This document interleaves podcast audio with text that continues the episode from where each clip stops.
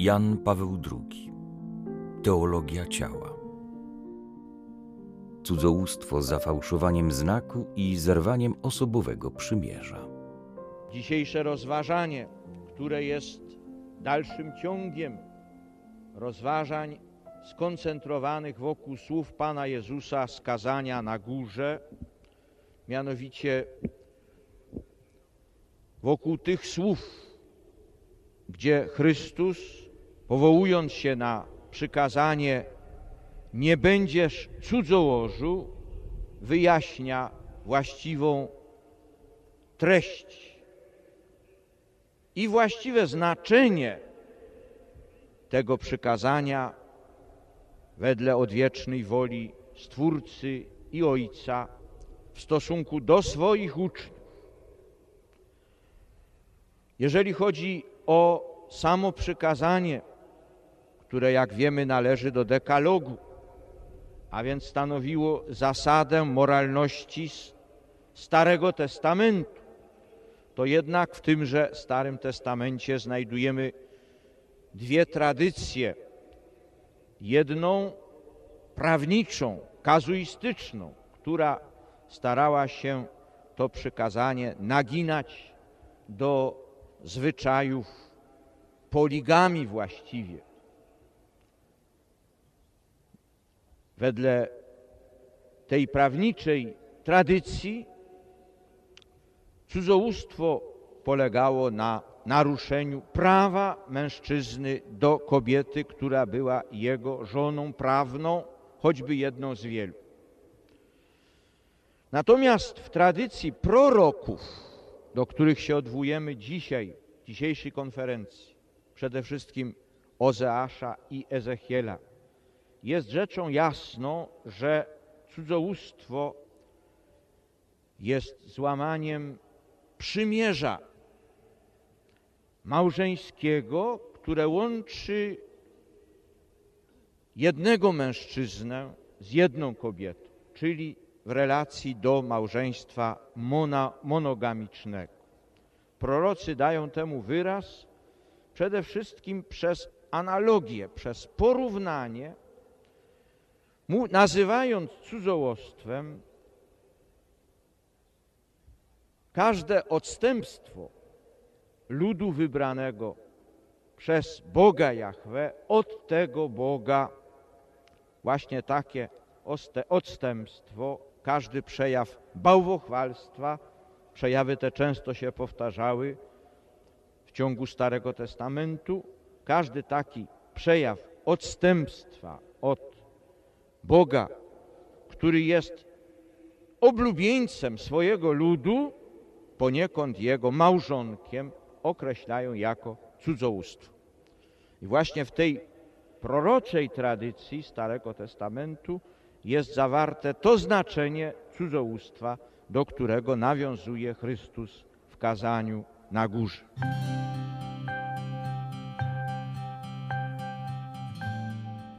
Nel discorso della montagna Cristo dice non pensate che io sia venuto ad abolire la legge o i profeti. W kazaniu na górze Chrystus mówi: Nie sądźcie, że przyszedłem znieść prawo albo proroków. Nie przyszedłem znieść, ale wypełnić. Ewangelia Mateusza, rozdział 5, werset 17. Aby ukazać, na czym ma polegać to wypełnienie, przechodzi z kolei do poszczególnych przykazań. Odwołuje się też do przykazania nie cudzołóż. Poprzednie nasze rozważanie miało ukazać, jak właściwa, zamierzona przez Boga treść tego przykazania w szczegółowym prawodawstwie Izraela została przyćmiona szeregiem kompromisów. Prorocy, którzy w swoim nauczaniu przedstawiają często odstępstwa ludu od prawdziwego Boga Jahwe, porównując je do cudzołóstwa, bardziej autentycznie uwydatniają tę treść. Ozeasz stara się nie tylko słowami, ale jak się zdaje, również swym postępowaniem ukazać, że zdrada ludu jest podobna do zdrady małżeńskiej. Owszem, więcej jeszcze, do cudzołóstwa praktykowanego jako nierząd. Idź, a weź za żonę kobietę, co uprawia nierząd, i bądź ojcem dzieci nierządu. Kraj bowiem uprawiając nierząd odwraca się od Pana. Księga Ozeasza, rozdział pierwszy, werset drugi. Prorok słyszy ten nakaz i przyjmuje go jako pochodzący od Boga Jahwe. Pan rzekł do mnie: Pokochaj jeszcze raz kobietę, która innego kocha, łamiąc wiarę małżeńską. Księga Ozeasza, rozdział trzeci, werset pierwszy.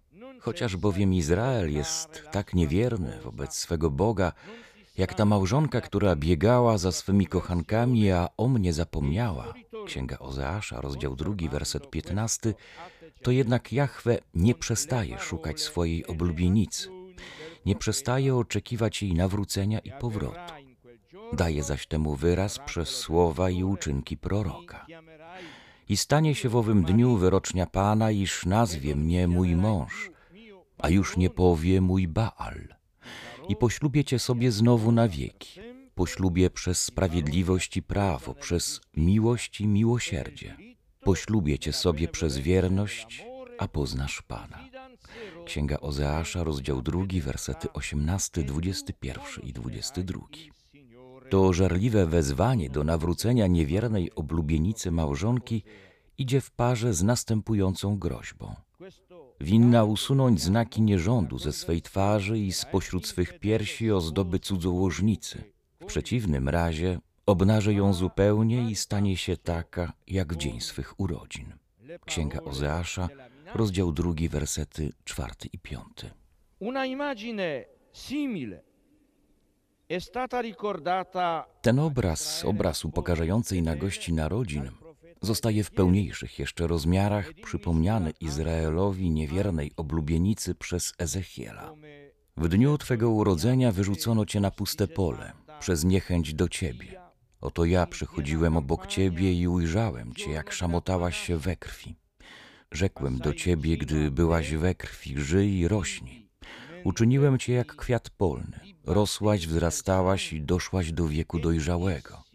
Piersi Twoje nabrały kształtu i włosy Twoje stały się obfitsze, ale byłaś naga i odkryta.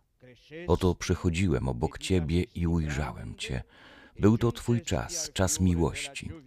Rozciągnąłem połę płaszcza mego nad Tobą i zakryłem Twoją nagość. Związałem się z Tobą przysięgą i wszedłem z Tobą w przymierze wyrocznia Pana. Stałaś się moją.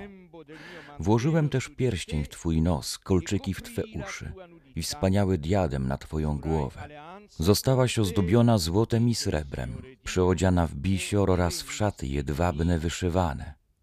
Rozeszła się Twoja sława między narodami dzięki Twojej piękności, bo była ona doskonała z powodu ozdób, którymi Cię wyposażyłem. Ale zaufałaś swojej piękności i wyzyskałaś swoją sławę na to, by uprawiać nierząd. Oddawałaś się każdemu, kto obok Ciebie przechodził. Jakżeż słabe było Twoje serce, wyrocznia Pana, skoro dopuszczałaś się takich rzeczy godnych bezwstydnej nierządnicy skoro budowałaś szałas na początku każdej drogi, skoro urządzałaś sobie wzniesienia na każdym placu, a gardząc zapłatą nie byłaś podobna do nierządnicy, lecz do kobiety cudzołożnej, która zamiast swojego męża przyjmuje obcych. Księga Ezechiela, rozdział 16, wersety od 5 do 8, od 12 do 15 i od 30 do 32. La citazione è un po' lunga, ma il testo è però così rilevante che era necessario rievocarlo. Długi cytat. Tekst jednak jest tak bardzo znamienny, że trzeba go było wprowadzić.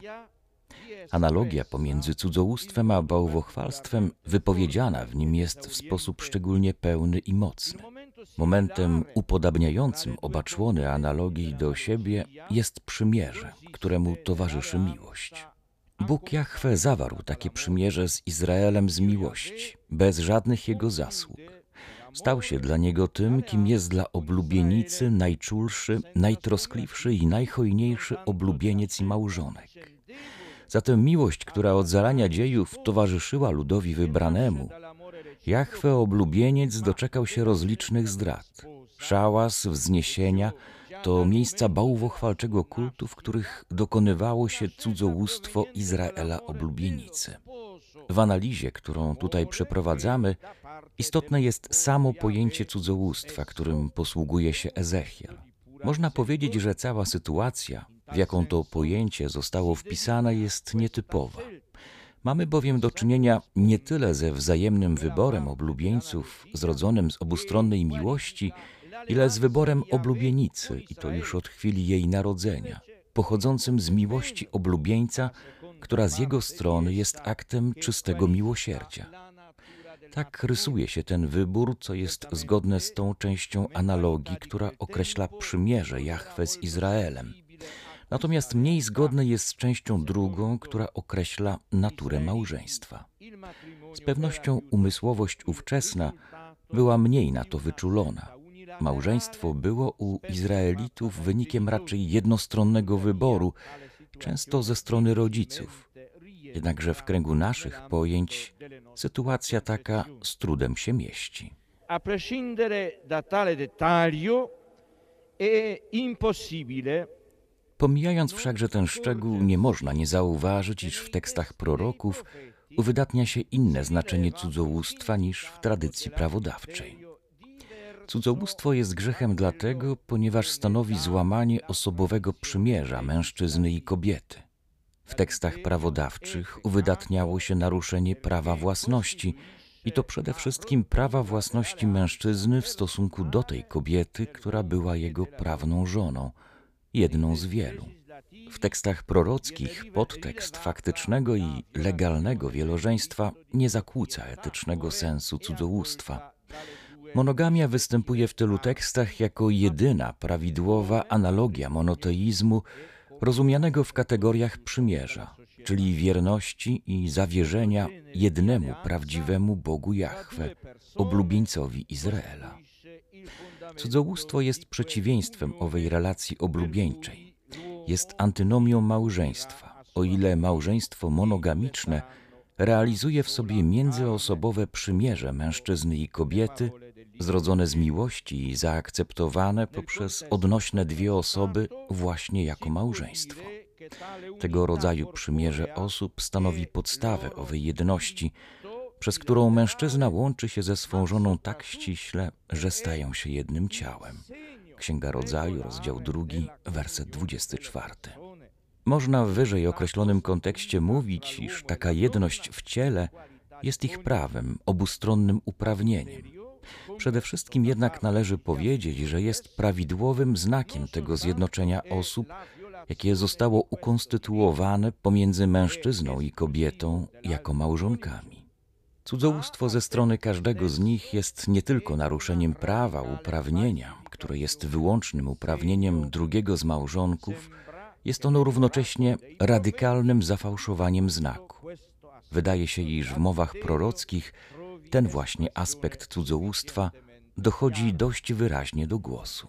Nel constatare che l'adulterio è una falsificazione di quel segno Kiedy stwierdzamy, że cudzołóstwo jest zafałszowaniem znaku, który swoją nie tyle prawidłowość, ile po prostu wewnętrzną prawdę posiada w małżeństwie, czyli w obcowaniu mężczyzny i kobiety, którzy są małżonkami, wówczas niejako na nowo dotykamy owych podstawowych ustaleń, których dokonaliśmy już dawniej, jako istotnych i ważnych dla teologii ciała.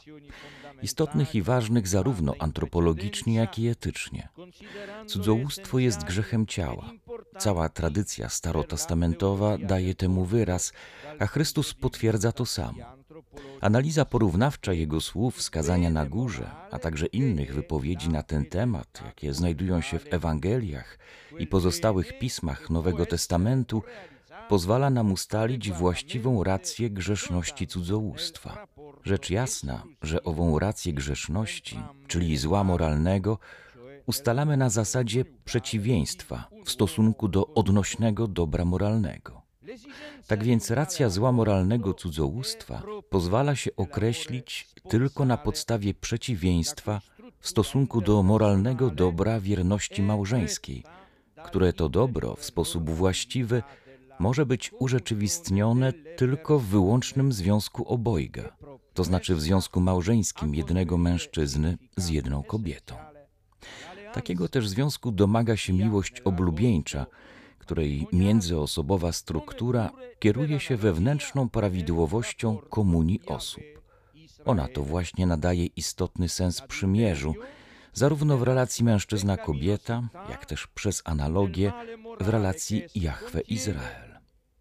O cudzołóstwie, o jego grzeszności, o złu moralnym, jakie się w nim zawiera, można orzekać na zasadzie przeciwieństwa do przymierza małżeńskiego, pojmowanego w taki tylko sposób. Occorre tener presente tutto ciò quando diciamo che l'adulterio è un peccato del corpo. Wszystko to musimy mieć przed oczyma, gdy mówimy, że cudzołóstwo jest grzechem ciała. Ciało rozumiemy tutaj utrzymując pojęciową łączność ze słowami Księgi Rodzaju, rozdział 2, werset 24. Te bowiem słowa stanowią o mężczyźnie i kobiecie jako o mężu i żonie, którzy jednoczą się sobą tak ściśle, że stają się jednym ciałem. Cudzołóstwo wskazuje na czyn, poprzez który taką jedność ciała stanowią mężczyzna i kobieta, nie będący mężem i żoną.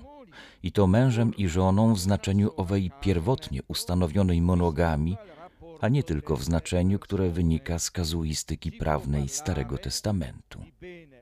Grzech ciała może zostać zidentyfikowany tylko ze względu na relacje osób. W zależności od tego, czy relacja ta czyni prawdziwą ową małżeńską jedność ciała, czy nadaje jej charakter prawdomównego znaku, czy też nie, możemy mówić o dobru albo o złu moralnym. Możemy więc orzekać w danym wypadku grzech, który zgodnie z przedmiotową treścią czynu, o jakim ów grzech orzekamy, nazywa się cudzołóstwem. Tę treść ma na myśli Chrystus, gdy w kazaniu na górze przypomina: Słyszeliście, że powiedziano nie cudzołóż. Chrystus nie zatrzymuje się jednak na tym wymiarze sprawy. Avete inteso che fu detto non commettere adulterio.